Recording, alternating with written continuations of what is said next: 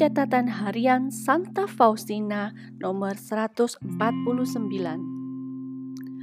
Apabila Allah sendiri mengendaki dekat dengan suatu jiwa dan ingin menuntunnya, ia akan menghilangkan segala sesuatu yang bersifat lahiriah. Ketika aku merasa sakit dan dibawa ke kamar orang sakit, aku sangat menderita ketidaknyamanan karena hal berikut ini. Waktu itu, aku dan seorang suster lain dirawat di kamar itu. Para suster datang untuk menjenguk suster N, tetapi tidak seorang pun menjenguk aku. Memang benar, di sana hanya ada satu ruang untuk orang sakit, tetapi setiap orang memiliki satu kamar. Malam-malam, musim dingin begitu panjang, dan suster N mempunyai lampu serta radio sedangkan aku bahkan tidak dapat menyiapkan meditasiku karena tidak ada lampu. Hampir dua minggu keadaan ini berlangsung. Pada suatu petang, aku mengeluh kepada Tuhan bahwa aku sangat menderita dan bahwa aku bahkan tidak dapat menyiapkan meditasiku karena tidak ada lampu.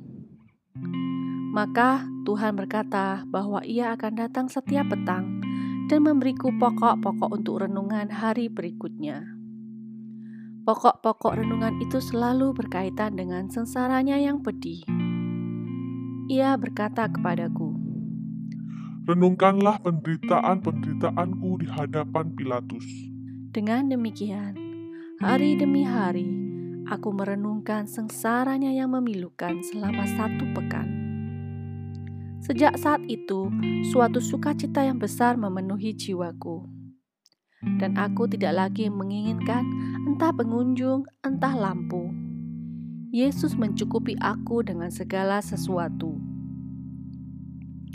Para superior memang sangat peduli akan orang sakit, tetapi Tuhan mengatur agar aku merasa ditinggalkan.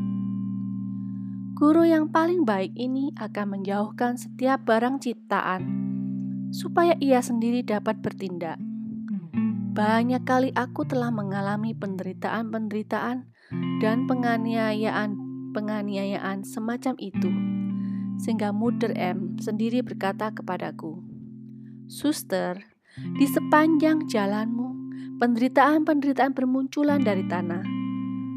Aku menyaksikan suster seperti seorang yang tersalib. Tetapi aku dapat melihat bahwa Yesus campur tangan dalam hal ini setialah kepada Tuhan. Buku catatan harian Santa Faustina nomor 150.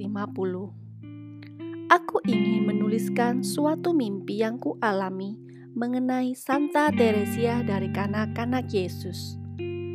Waktu itu, aku masih seorang novis dan mengalami sejumlah kesulitan, dan aku tidak tahu bagaimana mengatasinya ada kesulitan-kesulitan batinia yang berkaitan dengan kesulitan-kesulitan lahiriah. Aku berdoa novena kepada beberapa orang kudus, tetapi situasi semakin hari semakin sulit. Penderitaan-penderitaan yang ditimbulkannya padaku sedemikian berat, sehingga aku tidak tahu bagaimana melanjutkan hidupku. Tiba-tiba muncul gagasan dalam diriku untuk berdoa kepada Santa Teresia dari kanak-kanak Yesus. Aku memulai novena kepada Santa Teresia ini, sebab sebelum masuk biara, aku sudah memiliki devosi yang besar kepadanya. Akhir-akhir ini, aku sedikit mengabaikan devosi ini, tetapi karena terdesak kebutuhan, aku mulai lagi berdoa dengan semangat yang lebih besar. Pada hari kelima novena itu, aku bermimpi tentang Santa Teresia. Tetapi seolah-olah ia masih hidup di bumi. Ia menyembunyikan dari aku kenyataan bahwa ia seorang kudus dan memulai menghibur aku sambil berkata bahwa aku tidak boleh cemas mengenai masalahku itu. Tetapi hendaknya lebih percaya kepada Allah. Ia berkata, Aku pun sangat menderita. Tetapi aku tidak begitu percaya bahwa dia banyak menderita. Dan aku berkata, Aku merasa bahwa engkau sudah tidak menderita sama sekali. Tetapi Santa Teresia menjawab aku dengan cara yang sangat meyakinkan bahwa ia sungguh telah menderita sangat banyak dan berkata kepadaku, Suster, ketahuilah bahwa pada hari ketiga, suster akan berhasil memecahkan masalah itu dengan gemilang. Ketika aku masih enggan untuk mempercayainya, ia menyatakan kepadaku bahwa ia adalah seorang kudus. Pada saat itu juga sukacita yang besar memenuhi jiwaku dan aku berkata kepadanya, "Engkau seorang kudus?" "Ya," jawabnya. "Aku seorang kudus." Percayalah bahwa masalah ini akan terpecahkan dalam tiga hari.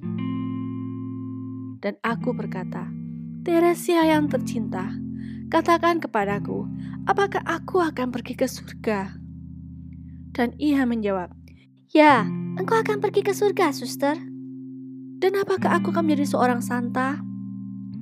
Atas pertanyaan ini, ia pun menjawab, Ya, engkau akan menjadi seorang santa. Tetapi, oh Teresia yang kecil, apakah aku akan menjadi seorang santa seperti engkau yang diangkat ke altar? Dan ia menjawab, Ya, engkau akan menjadi seorang santa sama seperti saya tetapi engkau harus mengandalkan Tuhan Yesus. Kemudian aku bertanya kepadanya, apakah ibu dan ayahku akan di surga? Akan. Dan ia menjawab bahwa mereka akan masuk surga. Aku pun bertanya lagi, dan apakah saudara dan saudariku akan masuk surga? Ia menyuruh aku berdoa keras bagi mereka tetapi ia tidak memberikan jawaban yang pasti kepadaku. Aku mengerti bahwa mereka membutuhkan banyak doa. Ini adalah suatu mimpi, dan seperti dikatakan pepatah, mimpi adalah kayalan, Allah adalah iman. Tetapi pada hari ketiga, kesulitanku terpecahkan dengan sangat mudah sama seperti yang sudah ia katakan. Dan segala sesuatu yang berkaitan dengan masalah ini terjadi persis seperti yang ia katakan. Itu adalah suatu mimpi, tetapi mimpi itu bermakna.